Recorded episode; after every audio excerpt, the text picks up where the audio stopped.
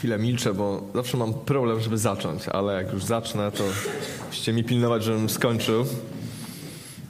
Są takie rzeczy, są takie, mm, takie sprawy w życiu naszym prywatnym i w życiu Kościoła, które są fundamentalne, najważniejsze. Jedną z takich rzeczy chciałbym się dzisiaj podzielić i to nie będzie dla nikogo nowość. Ja myślę, że y, wiele takich pięknych, bożych, wspaniałych rzeczy to nie jest kwestia nowości, to jest kwestia tego, żebyśmy sobie pewne rzeczy przypominali i pielęgnowali je w naszym życiu. Bo nie, nie problem jest coś wiedzieć albo czegoś nie wiedzieć, ale prawdziwą moc w naszym życiu ma to wtedy, kiedy to pielęgnujemy i zgodnie z tym żyjemy. To wtedy widzimy, że Słowo Boże jest żywe, prawdziwe i skuteczne. Kiedy ma odbicie w naszym życiu, w życiu naszych bliskich, naszej rodziny i tam, gdzie jesteśmy. Chciałbym się z wami podzielić jedną przypowieścią, znaczy przypowieścią, Jezus opowiadał przypowieści, ale tak podejrzewam, że te historie wydarzyły się naprawdę. Taką historią, którą opowiedział Jezus. I to jest Ewangelia Łukasza, 10 rozdział, 25 wersetu. Czytamy tak. I oto powstał pewien znawca prawa. Chcąc wystawić Jezusa na próbę, zapytał: Nauczycielu, co mam czynić, aby odziedziczyć życie wieczne?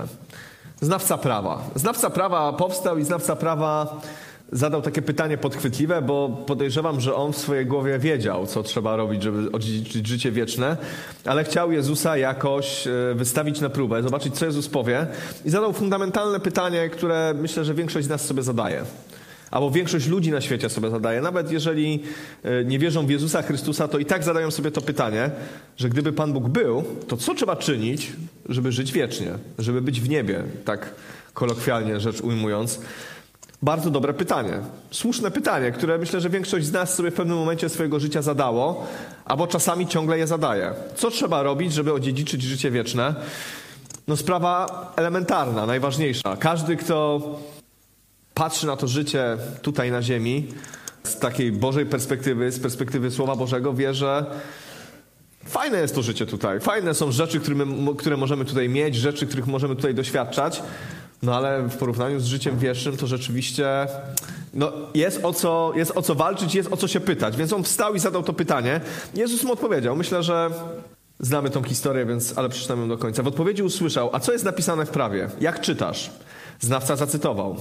Masz kochać Pana, swego Boga, całym swoim sercem, z całej swej duszy, każdą swoją myślą i ze wszystkich swych sił, a swojego bliźniego jak samego siebie. Odpowiedziałeś poprawnie, podsumował Jezus. Tak postępuj, a będziesz żył. Sam sobie odpowiedział na to pytanie. Sam sobie odpowiedział na to pytanie, bo zacytował fragment pisma, zacytował to najważniejsze przykazanie, które jest w Słowie Bożym zawarte w Starym Testamencie, w Nowym Testamencie, by już miłował Pana Boga swego z całego serca, z całej duszy, ze, wszystki, ze wszystkiego, co jest w Tobie, a swojego bliźniego jak siebie samego. Wiemy to wszyscy. Jesteśmy wszyscy świadomi, że to jest najważniejsze przykazanie. Wiemy, że Jezus powiedział, że w tych dwóch przykazaniach zawiera się cały zakon i prorocy. Cały zakon i prorocy zawiera się w tych kilku zdaniach. I powiedział mu, tak postępuj, a będziesz żył. Nic prostszego, nie uważacie? Kochać Pana Boga ze wszystkich sił, z całej duszy, z całego serca. To byśmy powiedzieli, że no to Pan Bóg. Jesteśmy w stanie, wiecie, jakoś się zmobilizować. Ale na końcu jest na końcu jest dopiero wyzwanie, a swojego bliźniego jak samego siebie. To jest wyzwanie. Wiecie, Pan Bóg jest w niebie i możemy w Niego ukierunkować swoje myśli, swoje pragnienia, to oczywiście w życiu codziennym nie jest takie proste wcale kochać Pana Boga ze wszystkich swoich sił, bo to znaczy szanować Jego słowo, przestrzegać tego, co On do nas mówi, postępować tak, jak Jemu się podoba. To wcale nie jest takie proste. W sferze deklaracji jest to oczywiście proste, możemy to śpiewać. Mamy taką pieśń, to jest moja ulubiona, Miłości i Mocy i tam śpiewamy, że będę Cię uwielbiał z całego serca, z całej siły, z całej duszy. I to jest ten aspekt, kiedy kierujemy się w stronę Boga. I to być może jest niewidzialne, bo to jest nasza relacja z Bogiem. To, co się tam rozgrywa, jest niewidzialne, ale swojego bliźniego, jak same, samego siebie, jest większym wyzwaniem. Bo ci bliźni siedzą właśnie tutaj. Siedzą w naszych domach, są wszędzie tam, gdzie my jesteśmy. Ale ten uczony w piśmie był cwany, tak bym go nazwał. Bo zadaje Jezusowi jeszcze jedno e, podchwytliwe pytanie. On jednak dla usprawiedliwienia samego siebie, czyli poczuł, że jednak z tym kochaniem bliźniego nie jest najlepiej, a kto jest moim bliźnim? To jest bardzo ważne pytanie. Kto jest moim bliźnim? No bo skoro trzeba kochać tego bliźniego z całego serca, tak jak Boga, jak samego siebie, no, nie jak Boga, jak samego siebie, to kto nim jest? To kto zasługuje na taką miłość? Kto zasługuje na takie poświęcenie?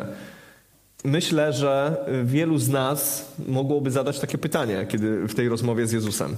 I wtedy Jezus opowiada historię. Myślę, że historię, która jest bardzo dotyka serca, która jest bardzo ważna. Jezus podjął ten wątek i powiedział: Pewien człowiek schodził z Jerozolimy do Jericha. Po drodze wpadł w ręce zbójców, którzy go ograbili, pobili i uciekli, zostawiając bliskiego śmierci.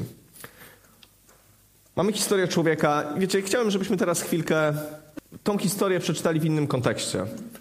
To my jesteśmy tą osobą, która schodzi z Jerozolimy do Jericha. E, to my jesteśmy tą osobą. Bo wiecie, my potrzebujemy wzorca miłości. Łatwo jest powiedzieć kochaj bliźniego, ale, ale co to tak naprawdę znaczy? Jak, jak się zachować? O co w tym wszystkim chodzi? Myślę, że Pan Bóg wie, jak się zachować i Pan Bóg wie, co to jest prawdziwa miłość i On ją nam objawia w swoim słowie cały czas. I potraktujmy tą historię z tej perspektywy. To my jesteśmy tymi pobitymi ludźmi, którzy zostawili, zostali zostawieni bliscy śmierci. Pobici, ograbieni, zrujnowani. Życie człowieka bez Boga w pewnym momencie tak wygląda. Sobie żyjemy, ten człowiek wracał z Jerozolimy do Jericha. E, kontekst jest prawdopodobnie taki, że Jericho jest niziutko e, w depresji, to jest miasto położone w depresji, Jerozolima jest na wyżynach. Do Jerozolimy się chodziło najczęściej w celach kultowych, żeby złożyć ofiarę, pójść do świątyni, pomodlić się. I ten człowiek prawdopodobnie był w Jerozolimie, załatwiał jakieś sprawy, może biznesowe, a może po prostu poszedł do świątyni, wracał do siebie, do domu, do Jericha. Żył normalnie, funkcjonował normalnie spotkało go nieszczęście. Ktoś go napadł, ograbił, pobił i, i był w stanie bliskim śmierci. Sytuacja fatalna. Często bywa tak w naszym życiu, że żyjemy sobie, funkcjonujemy z dnia na dzień, załatwiamy swoje sprawy, idziemy, ale nie wiedzieć dlaczego, nie wiadomo w jaki sposób zdarza się jakaś tragedia w naszym życiu. Czasami sami na to sobie zasłużymy, generując te problemy. Czasami po prostu tak jest. Nie wiemy dlaczego, ale tak po prostu bywa. Spadają na nas różnego rodzaju problemy. Jesteśmy troszeczkę, czujemy się jak ten człowiek. Ograbieni, pozbawieni, pobici, leżący gdzieś tam w rowie. I wtedy desperacko potrzebujemy pomocy. I w takim stanie, jeżeli byliście w takim stanie, to dobrze wiecie, że nie masz sił, nie masz zdolności, nie masz, nie masz możliwości, żeby sobie nawet pomóc, bo, bo umierasz. Może ledwo co masz y, zachowaną przytomność i potrzebujesz pomocy. Potrzebujesz ratunku. Przypadkiem, Jezus mówi dalej, przypadkiem jakiś kapłan schodził właśnie tą drogą gdy zobaczył nieszczęśnika, przeszedł na drugą stronę i odszedł.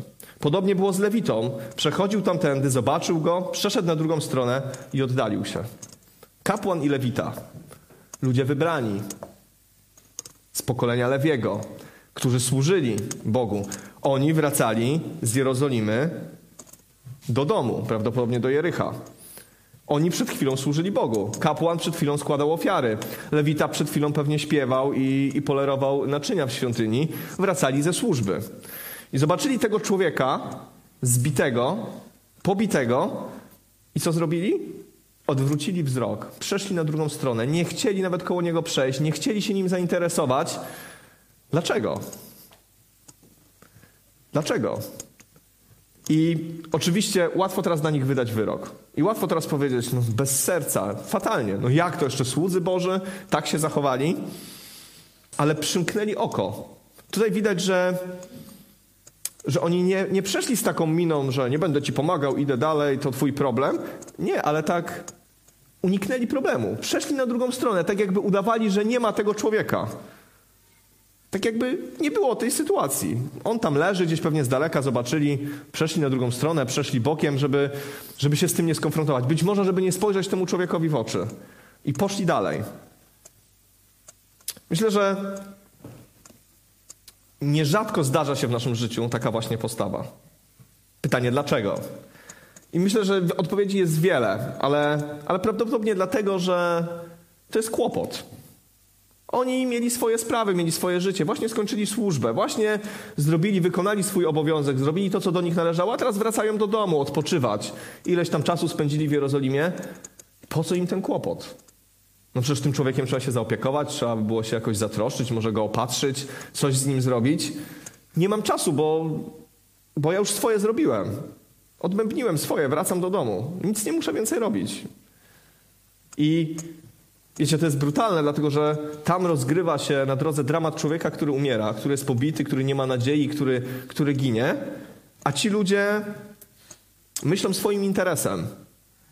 Wiecie, ja dopowiadam, bo ja nie wiem, co oni myśleli, tu nie jest napisane, ale na pewno nie chcieli mieć kłopotu. Z jakiegoś powodów ominęli tego człowieka, dlatego że to by ich kosztowało. To by ich kosztowało i to może by im popsuło plan. Bo być może tam już rodzina czekała w Jerychu, bo być może tam już byli umówieni na jakiegoś grilla, może tam już mieli coś, coś dograne, a teraz wszystko by się posypało. I kapłan minął, i lewita minął, i poszli dalej. Kiedy Jezus mówił o tym, że kochajcie bliźniego jak, jak siebie samego, to miłość nie jest kwestią deklaracji. Deklaracje też są ważne w miłości. To dobrze jest powiedzieć komuś, że Ciebie kocham i dobrze usłyszeć, że ktoś nas kocha. To jest ważne. To, to, tego potrzebujemy, ale, ale miłość to, jeszcze, to jest kwestia czynów. To jest kwestia zachowania i podejścia. Czy kapłan i lewita, mimo tego, że byli uświęconymi ludźmi, namaszczonymi, którzy służyli Izraelowi, wykazali się miłosierdziem w tej sytuacji? No absolutnie. No myślę, że nikt chyba nie, nie jest na tyle szalony, żeby powiedzieć, że, że tak. Nie, oni po prostu przeszli bokiem. A później czytamy tak. Natomiast pewien Samarytanin, który też tamtędy podróżował, zlitował się nad pobitym. Podszedł, obandażował mu rany, polał oliwą i winem, wsadził go na własne zwierzę, zabrał go do, zabrał go do gospody, roztoczył tam nad nim opiekę. Nazajutrz udał się do gospodarza, zapłacił dwa denary i powiedział: Zadbaj o chorego, a cokolwiek ponadto wydasz, wyrównam w drodze powrotnej. Natomiast pewien Samarytanin, jeżeli mielibyśmy e, bohaterów tej historii sobie podzielić na tak po ludzku, na tych, którzy powinni to zrobić, na tego, który absolutnie nie powinien tego zrobić, to kapłan powinien już to zrobić pierwszy. Lewita później, pod względem namaszczenia, pozycji w społeczeństwie, nie wiem jak to nawet nazwać, ale Samarytanin, on powinien przejść bokiem. Dlatego, że relacje między Samarytynami a Żydami były tak napięte, że oni ze sobą nie rozmawiali. Samarytanka zdziwiła się, kiedy Jezus z nią rozmawiał pod, yy, yy, pod studnią Dawida, on, yy, Jakuba. Ona się, ona się po prostu zdziwiła. Jak to ty, będąc Żydem, ze mną rozmawiasz? Oni się nie lubili. Znaczy, nie lubili się to chyba małe słowo, oni się nienawidzili. Jedni drugich wyzywali od heretyków. Żydzi powiedzieli, że to jest w ogóle skandal, że wy no, jesteście heretykami, bluźniercami, robicie wszystko źle, w ogóle was nie uznajemy. Samarytanie mieli wielki uraz właśnie z tego powodu i też odrzucali Żydów. Tam nie było żadnych relacji. Kiedy, kiedy ktoś podróżował z Galilei do Judei, to właśnie po środku była Samaria, to oni specjalnie obchodzili dookoła, żeby nie iść przez te wioski samarytańskie. Nie lubili się nawzajem. I właśnie ten Samarytanin, który absolutnie nie powinien nawet spojrzeć na tego człowieka, Zlitował się nad nim. I co zrobił? Zrobił to, czego nie, nie chcieli zrobić tamci. Zapłacił pewną cenę. Stracił czas. Poświęcił się, zabandażował, opatrzył rany, polał oliwą, polał winem, zabrał do gospody, roztoczył nad nim opiekę, stracił też czas. Czytamy o tym, że nazajutrz, to znaczy, że spędził z nim całą dobę. Zawiózł go, zadał sobie trud, a później jeszcze wydał pieniądze. Dwa denary to wcale nie było tak mało w tamtych czasach. A on też coś robił. A on też, y, będąc na drodze między Jerozolimem a Jerychem, to na pewno y, nie, nie był tam dla przyjemności, dlatego że pewnie, pewnie pracował, pewnie załatwiał jakieś interesy, bo mieszkał gdzieś w Samarii, a był pod Jerozolimą, więc też coś robił, też był zajęty, ale jednak poświęcił się i zrobił coś dla tego człowieka. I wiecie, tak sobie myślę o tym, że jeżeli pomyślimy sobie o tym, że my jesteśmy no, bardzo często jesteśmy tymi osobami pobitymi, które leżą na drodze. Potrzebujemy pomocy. Potrzebujemy pomocy i, i bardzo często oczywiście potrzebujemy pomocy Boga. Przede wszystkim, zawsze, w każdej sytuacji. Ale nauczyłem się tego i wiem o tym, że Pan Bóg używa ludzi. Pan Bóg używa ludzi, używa ciebie i mnie do tego, żeby nieść pomoc. E, i miłość i, i, litość jakby jest czymś takim, co nie powinno być w żaden sposób powiązane z tym, kim człowiek jest. Czy na to zasługuje, czy na to nie zasługuje. Kiedy jest ktoś cierpiący i potrzebujący, to, to Samarytanin mógł tej pomocy nie udzielić, bo on akurat miał argumenty. To jest heretyk, on tam leży, pobity. Mógł sobie nawet dopisać do tego jakąś teologię i powiedzieć, no bo tak Bóg chciał, bo jest heretykiem, no to leży pobity. Ale on nie patrzył na to, kim ten człowiek jest. Zobaczył po prostu jego ból i cierpienie. Zobaczył tego, że on jest bliski śmierci i nie zaglądał mu w metrykę, w życiorys, nie patrzył w takie rzeczy. Po prostu mu pomógł I pewnie, gdyby mieli tak po prostu rozmawiać bez tej sytuacji, to pewnie by się z tym człowiekiem nie zgodził. Jeżeli chodzi o poglądy na temat Boga, na temat pięcioksiągu, na temat innych rzeczy, o które się kłócili Żydzi z Samarytanami. Gdyby nie ta sytuacja, to pewnie by nie zostali przyjaciółmi. Może nawet by na siebie nawrzeszczeli i mogłoby nawet dojść do bójki. Ale w tej sytuacji ten Samarytanin odrzucił to na bok i ulitował się nad człowiekiem, który najnormalniej w świecie potrzebował pomocy. Wiecie, ja mam, to, ja, ja mam takie nieodparte wrażenie, że tak jest w naszej relacji z Bogiem. Że my, będąc w trudnej sytuacji, naprawdę nie mamy argumentów, żeby zrobić na Panu Bogu wrażenia. Bo cierpimy i bardzo często cierpimy z powodu naszych błędów. No, nie powiem, że zawsze, ale bardzo często. Czasami są to jakieś losowe przypadki. Jesteśmy potrzebujący, często jesteśmy w grzechu, często jesteśmy potrzebujący, ale jednak Pan Bóg okazał nam miłość. Jesteśmy tutaj nie dlatego, że lubimy chodzić do kościoła, ale wierzę w to głęboko, że jesteśmy tutaj dlatego, że lubimy chodzić do kościoła, ale też przede wszystkim Chrystus nas uratował. Dotknął Twojego i mojego życia, wyciągnął nas z nas, znalazł gdzieś nas na poboczu, gdzie być może ludzie nas mijali, gdzie nasze życie było, było w gruzach. I On nas uratował, On się nami zaopiekował. Jak ten Samarytanin obdarzował nasze rany, polał oliwą, zaopiekował się nami, dostarczył nas do dobrego miejsca, gdzie się nami zaopiekowali, gdzie mogliśmy wyzdrowieć. Pan Bóg to zrobił w naszym życiu. Wierzę, że tak jest. W moim tak zrobił. I ta historia kończy się tak. Jezus zadaje pytanie temu człowiekowi. Który z tych trzech, Twoim zdaniem, okazał się bliźnim człowieka, który padł ofiarą rozboju? Zauważcie, że ten e, uczony w piśmie zadaje pytanie, kto jest moim bliźnim?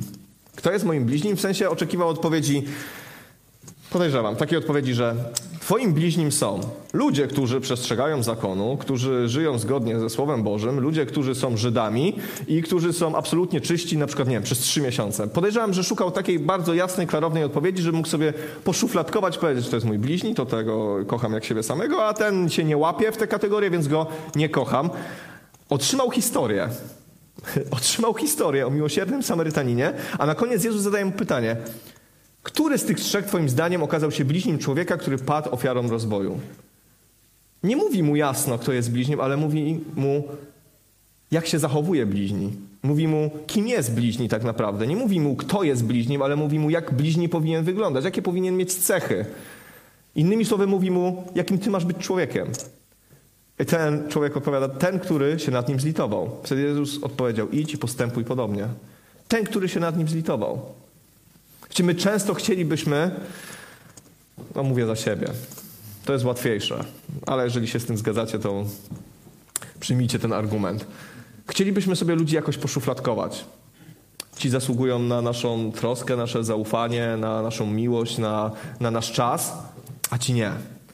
Ci, tymi trzeba się zająć, ale ci już tak zgrzeszyli, że, że już po prostu nie.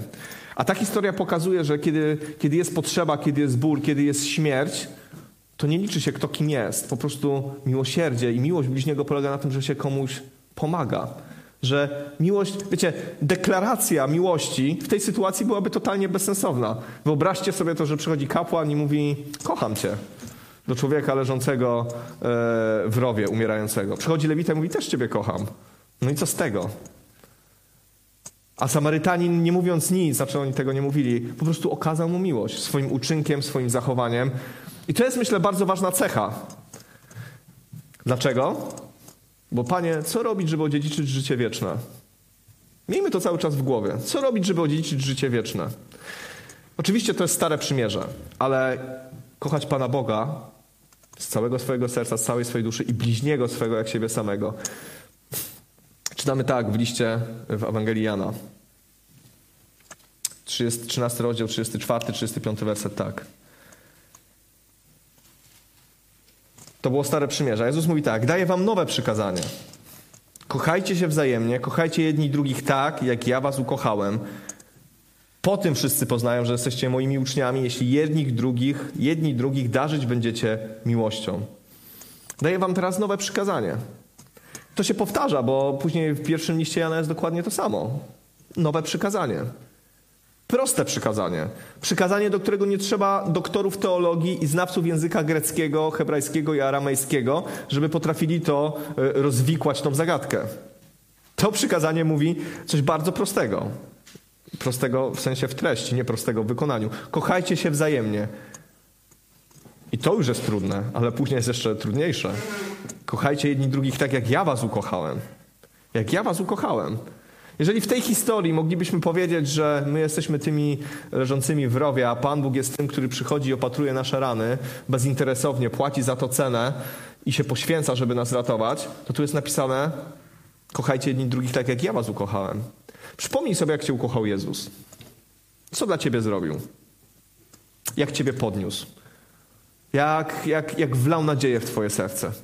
Jak nie gniewał się na ciebie, jak nie wyliczał ci twoich upadków, jak cię podnosił i ratował, jak wysyłał swoje słowo, wysyłał ludzi, jak ci pomagał. Przypomnij sobie te chwile, kiedy, e, kiedy ocierał twoje łzy, kiedy był z tobą każdego dnia, kiedy nie miałeś siły, a on przy tobie trwał. Przypomnijmy sobie te chwile. Ja to pamiętam. I ja do dzisiaj, dzisiaj, do dzisiaj mnie niesie ta miłość. Ja, jak mam jakiś trudny moment, przypominam sobie ten, ten moment, kiedy Pan Bóg mnie wyciągał z dna. Ja często wracam do momentu mojego nawrócenia, dlatego że to był piękny czas. Ja na to nie zasłużyłem. I, ale Ewangelia mówi tak, daje wam nowe przykazanie. Kochajcie jedni drugich tak, jak ja was ukochałem. Jak ja was ukochałem. Czyli ta bezinteresowna miłość. Miłość, która objawia się w czynach. Miłość, która nie objawia się w słowach tylko ale która objawia się w realnej pomocy. Tak jak Jezus, przecież On za nas umarł. Nie, jakby nie musiał. Naprawdę nie musiał. Był Bogiem, był w niebie, wszystko było dobrze. Nie miał tego w interesie. To była bezinteresowna miłość. Miłość, która nikt mu pistoletu do głowy nie przykładał. Zrobił to dlatego, że kocha Ciebie i mnie, że się nad nami użalił. Bo leżeliśmy w rowie. Martwi, prawie martwi, pobici, ograbieni, zawstydzeni, bez nadziei. Przyszedł, żeby ratować ciebie i mnie. Ale 35 werset mówi coś niesamowicie ważnego. Po tym wszyscy poznają, że jesteście moimi uczniami, jeśli jedni drugich darzyć będziecie miłością. Po tym nas poznają. Po tym poznaje się dzieci Boże. Jak wielokrotnie zadaję sobie pytanie i, i czasami zadaję je tutaj. Czym się różni człowiek wierzący od niewierzącego? W codziennym funkcjonowaniu. Przecież wszyscy chodzimy do pracy, jeździmy na zakupy, stoimy w tych kolejkach. I tu nie chodzi o to, że w tych kolejkach oni się kłócą, a my nie, bo niektórzy też się nie kłócą. Czym się różnimy? Odpoczywamy podobnie, jeździmy na wakacje. Tryb życia mamy bardzo podobny jak ludzie w tym świecie. Ale jest coś, co absolutnie według Bożego Słowa wyróżnia ludzi wierzących. To jest miłość wzajemna. To jest właściwe zrozumienie miłości. To jest miłość, która, która pomaga, która jest realna, którą widać. Tu jest napisane, że świat was po tym pozna. Po tym was pozna. Kiedy czytamy historię Kościoła, to pierwszy Kościół był poznany po tym, że darzył się wzajemną miłością, co było ewenementem w tamtym świecie, gdzie każdy dbał o siebie. Jak ktoś umierał, to umierał. A Kościół dbał o siebie. Już w pierwszych rozdziałach dziejów apostolskich czytamy, że Kościół karmił wdowy. Karmił wdowy, rozdzielali jedzenie, przynosili wszystko, co, co tam im zbywało, sprzedawali, kładli u stóp apostołów, dzielili się tym, prowadzili działalność, działalność charytatywną. I tu nie chodzi o działalność charytatywną samą w sobie, ale to był akt miłości. Bo wdowy w tamtych czasach nie miały emerytur i rent. Tylko po prostu były skazane na łaskę dzieci, a jak nie miały dzieci, to siedziały w bramie wraz z żebrakami i, i prosiło o jałmużnę. Nie było żadnych świadczeń emerytalnych, więc w ogóle socjalnych, więc, więc po prostu Kościół zajął się tymi wdowami. Zaczął się nimi opiekować. Łożył pieniądze. Pierwszy Kościół robił coś, co jest wstrząsające, dla nas być może dziwne, ale w tamtych czasach było tak, że jak umierali biedni ludzie, to się ich nie chowało. Na przykład w Rzymie czy w dużych miastach umierali, wyrzucało się ich na ulicę, ktoś przejeżdżał wózkiem, zbierali te zwłoki i do jakiegoś masowego grobu gdzieś tam wywozili za miasto. A Kościół, ludzie wierzący, chowali tych ludzi. Robili to nie dlatego, że ktoś im kazał, ale okazywali jakiś szacunek. Chowali tych ludzi, urządzali im pogrzeb, normalnie robili pewne rzeczy. I to dotykało serc ludzi, którzy byli wokół nich. Z jednej strony mówiło się, że chrześcijanie to są ci, którzy piją krew dzieci, wiecie, zabijają niemowlęta, jedzą, jedzą, jedzą ich ciało, no bo jak ktoś usłyszał plotkę, że e, łamią e, chleb, a to jest ciało Chrystusa, no to od razu takie plotki się pojawiały. A z drugiej strony Kościół cały czas rósł. Dlaczego? Bo miłość wzajemna, która była w tych społecznościach, była widoczna, była realna. To było coś, co można było chwycić, zobaczyć.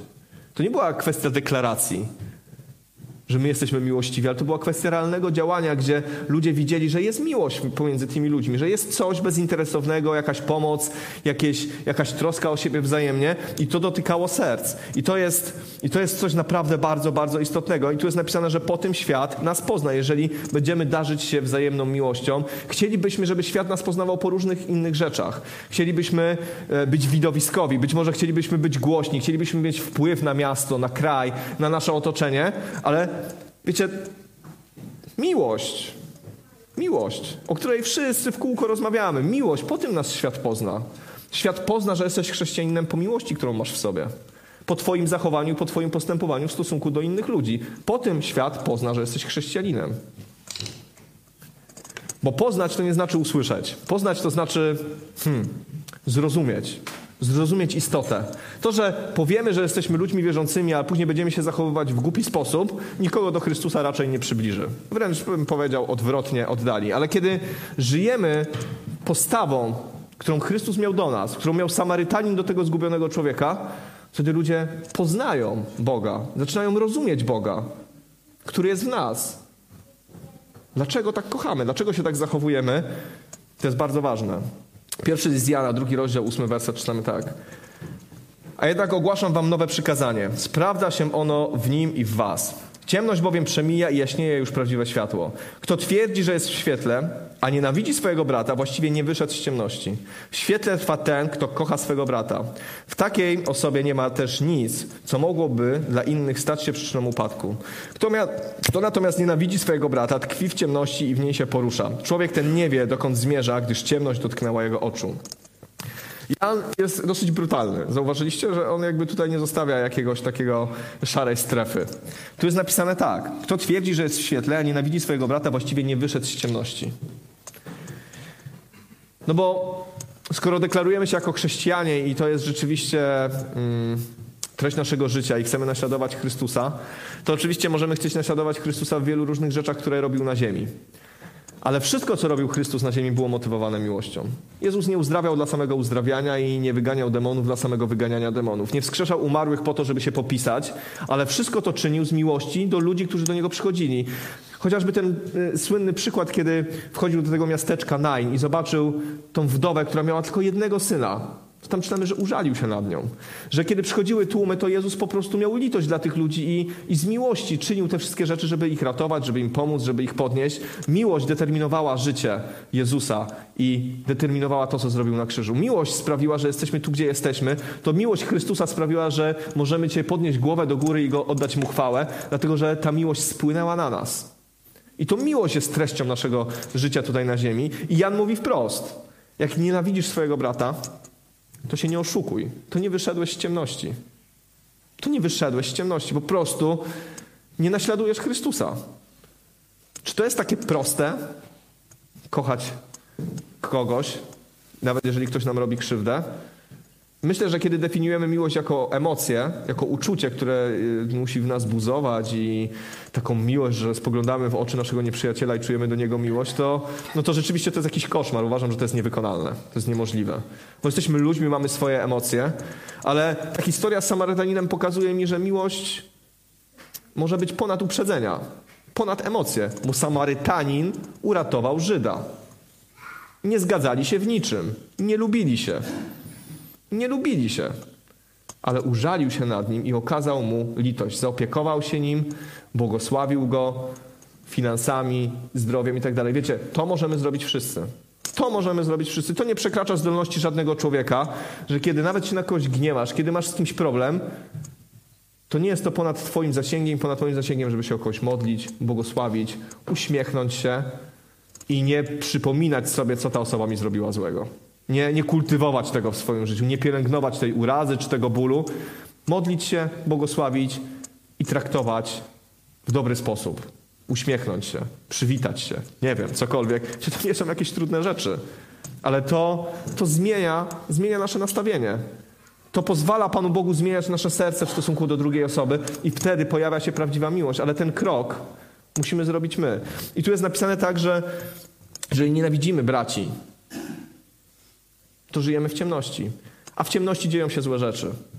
Zauważcie, że jak się dzieją jakieś przestępstwa, no nie wszystkie, ale dużo przestępstw, bo jest taki stereotyp, że złodzieje w nocy kradną, e, że jak są jakieś rozboje i napady, to w nocy się dzieją. Dlaczego? Bo jest ciemno, bo gorzej widać, bo można coś zachachmęcić.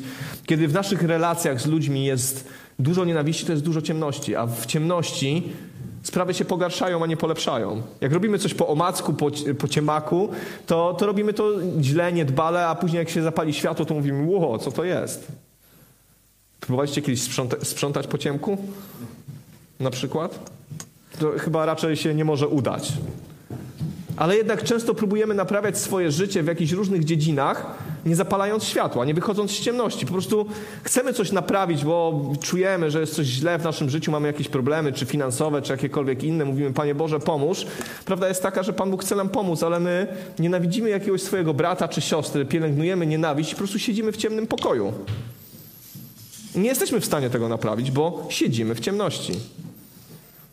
Wiecie, tak mi się wydaje, że jak jest ciemno, to pierwsze co robimy, jak wchodzimy do ciemnego mieszkania, teraz za chwilę będzie ciemno o 15, to będziemy to praktykować, przychodzimy do domu i zapalamy światło.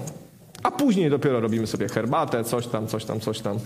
Przychodząc do kościoła i chcąc żyć z Bogiem, to pierwsze co powinniśmy zrobić, to zapalić światło.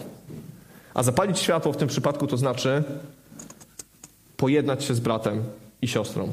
Wybaczyć, przebaczyć, nie pielęgnować urazy, nie chodzi o to, żeby kochać jakąś miłością super emocjonalną, taką jak darzymy swoją, swoją rodzinę, żonę i tak dalej, ale, ale tą miłością bliźniego, którą okazał Samarytanin. Uniżenia się, pomocy, wykonania dobrego gestu, zatroszczenia się o kogoś. I naprawdę to jest możliwe. Zaryzykuję to stwierdzenie i powiem, że to jest możliwe dla każdego człowieka. Ale to jest kwestia naszej decyzji. Już kończąc, chciałem jeszcze przeczytać pierwszy rozdział. Nie pierwszy rozdział, pierwszy list do Koryntian, 13 rozdział, 1-3. Choćbym mówił językami ludzi i aniołów, a miłości bym nie miał, pozostałbym miedzią, co dźwięczy lub hałaśliwym cymbałem.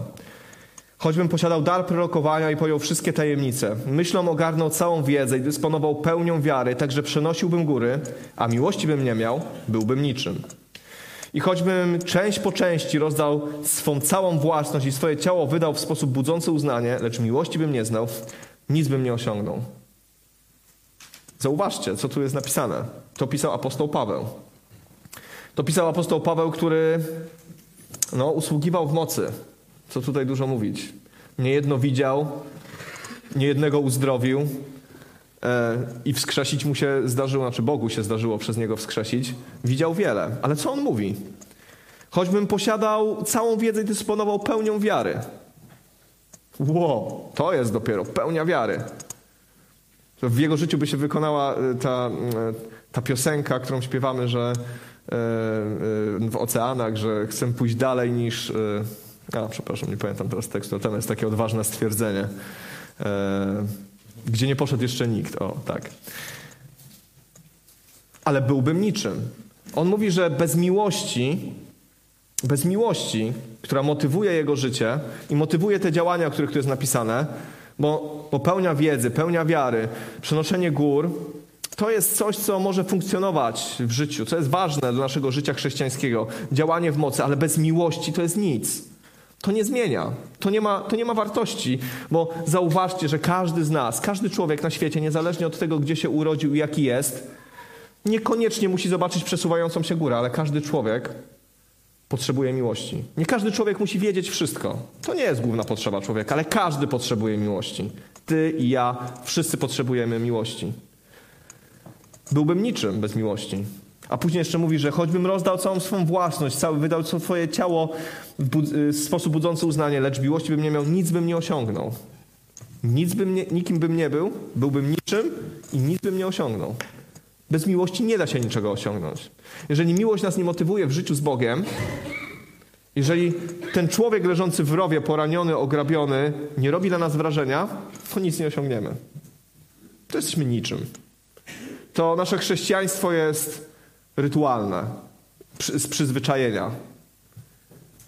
Bo chodzi o miłość. Bo chodzi o to, że ludzie giną. Chodzi o to, że ludzie potrzebują. My giniemy i my czasami potrzebujemy pomocy. Chodzi o to, żeby, żeby użalić się nad drugim człowiekiem. Chodzi o to, żeby naśladować Chrystusa, a Chrystus nie przechodził obok.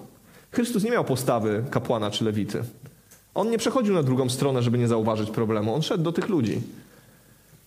To jest, myślę, bardzo ważne i, i ten werset pierwszy mówi o tym, że gdybym miłościł, bym nie miał, byłbym hałaśliwym cymbałem. Ja wiem, że tu chodziło o instrument, ale wiecie, tak jakoś mi się to kojarzy bardzo mocno. Naprawdę, że jeżeli nie ma w nas miłości do siebie nawzajem, jeżeli nie traktujemy tego poważnie, to trochę jesteśmy takimi hałaśliwymi cymbałami. Dużo szumu, dużo dymu, mało ognia. I wiecie, nie mówię, żeby potępiać, tylko wiem, że, że Pan Bóg chce nam to przypomnieć. Na jakim gruncie funkcjonujemy. Miłość to jest taki, taki system operacyjny chrześcijaństwa. To się, tam wiele rzeczy dzieje się w tle, ale, ale miłość nas pcha do różnych rzeczy. Wiecie, jeżeli my będziemy pchani innymi rzeczami niż miłość do usługiwania, to będą tragedie. Jeżeli inne rzeczy będą nas pchały do tego, żeby usługiwać w darach Ducha Świętego niż miłość, to się poranimy. Jeżeli będziemy chcieli prorokować z innych powodów niż po to, żeby kogoś uratować, pomóc, wesprzeć i objawić mu Boże, Bożą wolę, to będzie tragedia. Nie bez powodu między 12 a 14 rozdzia rozdziałem pierwszego listu do Koryntian, gdzie jest mowa o charyzmatach bardzo mocno, jest 13, czyli spójnia, miłość, która to wszystko spina. Ja myślę, że, że Pan Bóg chce nam to przypomnieć. Mi to przypomina, że, że my po prostu powinniśmy zacząć w tym funkcjonować. Ale z drugiej strony, ważne to jest, mówiłem na samym początku, że żeby kochać, to trzeba wiedzieć, jak to robić. Żeby kochać, to trzeba wiedzieć, kto jest dawcą miłości. Żeby kochać, to trzeba być kochanym. I specjalnie mówiłem o naszym przeżyciu, o tym, co my przeżyliśmy z Bogiem, że Pan Bóg nas uratował, że Ciebie i mnie uratował, bo musimy to pielęgnować w swoim sercu, dlatego że to jest wzór dla nas miłości. To jest, to jest taki wzór, który Pan Bóg dał Tobie i mi w naszym życiu. Nie, że ktoś inny nam opowiedział, nie, że w książce przeczytałeś, ale Ty doświadczyłeś tej miłości. Ty doświadczyłeś Bożego ratunku. I przypomnij sobie o tym, kiedy widzisz osobę potrzebującą. Nie odwracajmy wzroku. Nie odwracajmy wzroku od tych, którzy potrzebują. Ja wiem, że nie wszyscy jesteśmy kompetentni pomagać we wszystkim. Ja nie jestem. Ale wiecie, zainteresowanie, dobre słowo, miłość, przebaczenie to są rzeczy, które powinny być dla nas normalką. Nie aktem bohaterstwa. Naprawdę, bo tutaj czytamy o tym, że jeżeli tego nie ma, to jesteśmy niczym i nic byśmy nie osiągnęli. Super, dary Ducha Świętego, znaki, super, wszystko fajnie, to, tego wszyscy chcemy, ale bez miłości to nie ma większego znaczenia. Fajerwerki wystrzelą, kurzo padnie i jak mieliśmy nieprzebaczenie w sercu i gniew, to dalej będziemy to mieli. Miłość zdobywa, miłość dotyka, miłość porusza. Miłość jest czymś, co, co, czego każdy człowiek potrzebuje, a tą miłością jest Chrystus, którego głosimy, którego doświadczyliśmy. Ta miłość powinna się wylewać z Kościoła. Skąd jak nie z Kościoła? Skąd nie, jak nie od ludzi wierzących, którzy żyją z Chrystusem, który jest miłością, to z nas powinno się to wylewać. I wiecie, ja chciałbym dzisiaj zrobić coś yy, prostego zrobić takie wezwanie do środka, znaczy do środka, na środek, e, żebyśmy się modlili o miłość. Jeżeli masz braki, jeżeli masz deficyty, jeżeli nie potrafisz kochać, wiecie, to jeżeli masz z tym problemy, jeżeli permanentnie przechodzisz na drugą stronę drogi, kiedy widzisz kogoś potrzebującego, wiecie, miłość jest, yy, jest zaprze zaprzeczeniem egoizmu.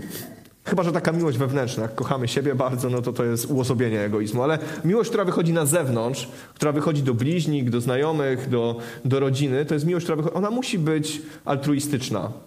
Ona musi być e, oddaniem siebie dla kogoś. Więc chciałbym, żebyśmy się o to pomodlili. Jeżeli tego potrzebujesz dzisiaj, jeżeli potrzebujesz Bożego dotknięcia, czujesz, że nie domagasz, że że postawa Samarytanina jest ci obca. Albo po prostu, albo po prostu czujesz ten deficyt miłości w swoim życiu. Bo nie jesteś w stanie kochać, jeżeli nie masz doświadczenia Bożej miłości. Nie jesteś w stanie wzbić się na ten poziom, o którym tutaj czytaliśmy, jeżeli Pan Bóg Ciebie nie dotknął.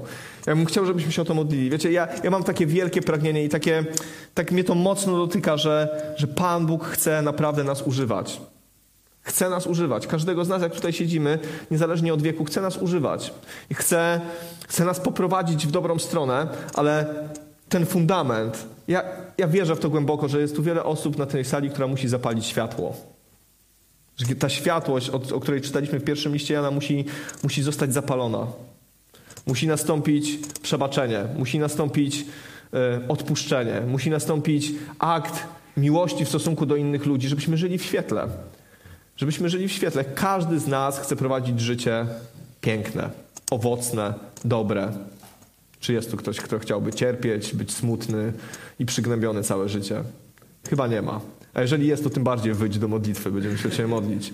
Ale jeżeli chcemy miłości, Wiecie, Słowo Boże jest taka piękna zasada w Słowie Bożym, myślę, która y, wytrąca oręż z ręki każdemu człowiekowi. Jezus powiedział tak, co byście chcieli, żeby ludzie wam czynili, to i wy im czyńcie. Każdy z nas chciałby być kochany. Kochajmy. Kochajmy. To się wydaje być bardzo prostym przesłaniem, ale to jest życiodajne przesłanie. To jest życiodajne przesłanie. Chcesz, żeby ludzie tam, gdzie jesteś, widzieli, że jesteś chrześcijaninem, poznali Boga? Kochaj. Kochaj tą miłością biblijną, szukaj tego w Biblii, zgłębiaj ten temat. Ja tylko kilka fragmentów przeczytałem, ale cały Nowy Testament jest o miłości. Czytaj, jaki był Chrystus, jak się zachowywał, jaką miał postawę, co robił. I, i naśladujmy go. Więc jeżeli chcesz dzisiaj się pomodlić, jeżeli potrzebujesz się Bożego dotknięcia i Bożej miłości, jeżeli czujesz, że masz z tym problemy, albo czujesz się wypalony, po prostu brakuje ci Bożej miłości i już gdzieś tam to doświadczenie zniknęło z twojego życia, to po prostu chcemy się modlić, żeby Boża miłość dzisiaj na nas stąpiła. Bo ja wiem, że my po ludzku nie jesteśmy w stanie kochać tak, jak Pan Bóg do nas mówi, żebyśmy kochali. My potrzebujemy interwencji nieba, potrzebujemy Bożego dotknięcia, potrzebujemy, żeby ta miłość na nas spłynęła, potrzebujemy łaski w tym wszystkim. Jesteś, są rzeczy, które my jesteśmy w stanie zrobić. Przełamać się, e, zrobić, jak, podjąć jakąś odpowiednią decyzję, żeby kogoś ukochać, ale ta łaska musi stąpić z nieba i ona stępuje z nieba, bo to jest Boża obietnica. To jest Boża obietnica. Kiedy czytam o Szczepanie, który był kamieniowany i powiedział, Panie Boże, nie policz mi tego grzechu, to widzę, że to Boża łaska na niego stąpiła. To jest anormalne zachowanie. Jezus na krzyżu, e, ci, którzy prześladowali Pawła, kamienowali go i tak dalej, i tak dalej, a jednak potrafili się wzbić, przebaczyć, odpuścić i pójść dalej. Wiecie, jak Pawła ukamienowali w listrze, to on po dwóch tygodniach tam wrócił. I powiedział, nigdy w życiu już do tych ludzi nie pójdę, ukamienowali mnie, mam do nich uraz. Nie, wrócił pewnie głosił im znowu Ewangelię. Ja wierzę w to. Ja wierzę w to głęboko, że Pan Bóg chce dzisiaj dotknąć Twoje życie. Żebyś nie wyszedł z tego miejsca taki, jaki jesteś, e, jaki przyszedłeś, ale żeby naprawdę Boża miłość rozlała się w Twoim sercu i wypływała na innych. Wypływała na innych. Tego potrzebujemy. Ludzie wokół nas tego potrzebują. Potrzebują ludzi, potrzebują chrześcijan kochających. Chrześcijan, którzy mają w sobie miłość Chrystusa, a nie chrześcijan, którzy o tej miłości rozmawiają i teoretycznie ją znają doskonale. Ale teoria nie zbawia, teoria nie dotyka serca. Teoria y, zastanawia intelektualistów, filozofów czy ludzi, którzy lubią sobie podywagować. Ale ja wierzę w praktyczną miłość, która może wypływać z Twojego i z mojego życia na ludzi wokół nas. Więc zapraszam grupę, chodźcie. Powstańmy. Wiecie, niech niech to wyzwanie do modlitwy nie będzie jakimś takim. Nie chciałbym, żebyście to tak traktowali, że teraz przyznaję się do błędu i teraz po prostu jest mi wstyd, ale jeżeli, jeżeli chcesz, jeżeli chcesz w swoim życiu mieć postawę tego Samarytanina, jeżeli chcesz mieć postawę Jezusa Chrystusa, jeżeli chcesz kochać ludzi, to potrzebujesz Bożego dotknięcia. A jeżeli potrzebujesz Bożego dotknięcia i masz to pragnienie w sercu, to po prostu przyjdź, będziemy się modlić. To jest, to jest bardzo ważne. Wiecie, ja tego też potrzebuję. Też poproszę tutaj Remka za chwilę o modlitwę, dlatego że to jest, to jest sól naszego chrześcijaństwa. To jest sól naszego chrześcijaństwa i, i, dbajmy o to. Bądźmy świadomi. Panie Boże, przychodzimy teraz do Ciebie. Przychodzimy teraz do Ciebie, Boże, Ty znasz nasze serca, Panie, i wiesz, co w nich jest. I widzisz, Boże, jak podchodzimy do ludzi, Panie, czym żyjemy, Panie, czy jest w nas miłość, Panie, do naszych bliźnich, do naszych braci. Ty sam dobrze wiesz, Panie, kto z nas żyje w ciemności, kto w światłości, kto w półmroku być może, ale tak bardzo prosimy Cię o to, Panie, żebyś Ty teraz przychodził do nas. Duchu Święty, proszę Cię, żebyś nas dotykał, Panie, żebyś dotykał naszych serc, żebyś nam objawiał, Panie. Ja wierzę, Boże, że Ty przyszedłeś, Panie, dać nam prawdziwe życie i że Ty przyszedłeś nas nauczyć prawdziwej miłości, że Ty jesteś miłością, Panie. I my dzisiaj potrzebujemy Ciebie, Panie, żeby kochać, Panie, ludzi, Panie, z których tak trudno nam kochać, Panie, żeby przebaczać tam, gdzie jest nam trudno przebaczyć, Boże, żeby być świadectwem, Boże, Twojej miłości i Twojej łaski, Panie, która się wylała na każdego z nas. Tak prosimy Cię, Duchu Święty, żebyś Ty teraz, Boże, nas dotykał. Potrzebujemy Twojego dotknięcia, Boże, i tego, żebyś Ty przenikał nasze serca, Panie. Prosimy Cię o to, Panie, w imieniu Jezusa Chrystusa. W imieniu Jezusa Chrystusa przyjdź, Duchu Święty, i objawiaj nam swoją miłość, Panie. Dotknij nas, Boże. Dotknij nas, Panie. Jeżeli potrzebujesz modlitwy, chodź, będziemy się modlić, nie zastanawiaj się. Pan Bóg jest dobry, łaskawy i okazuje swoją łaskę.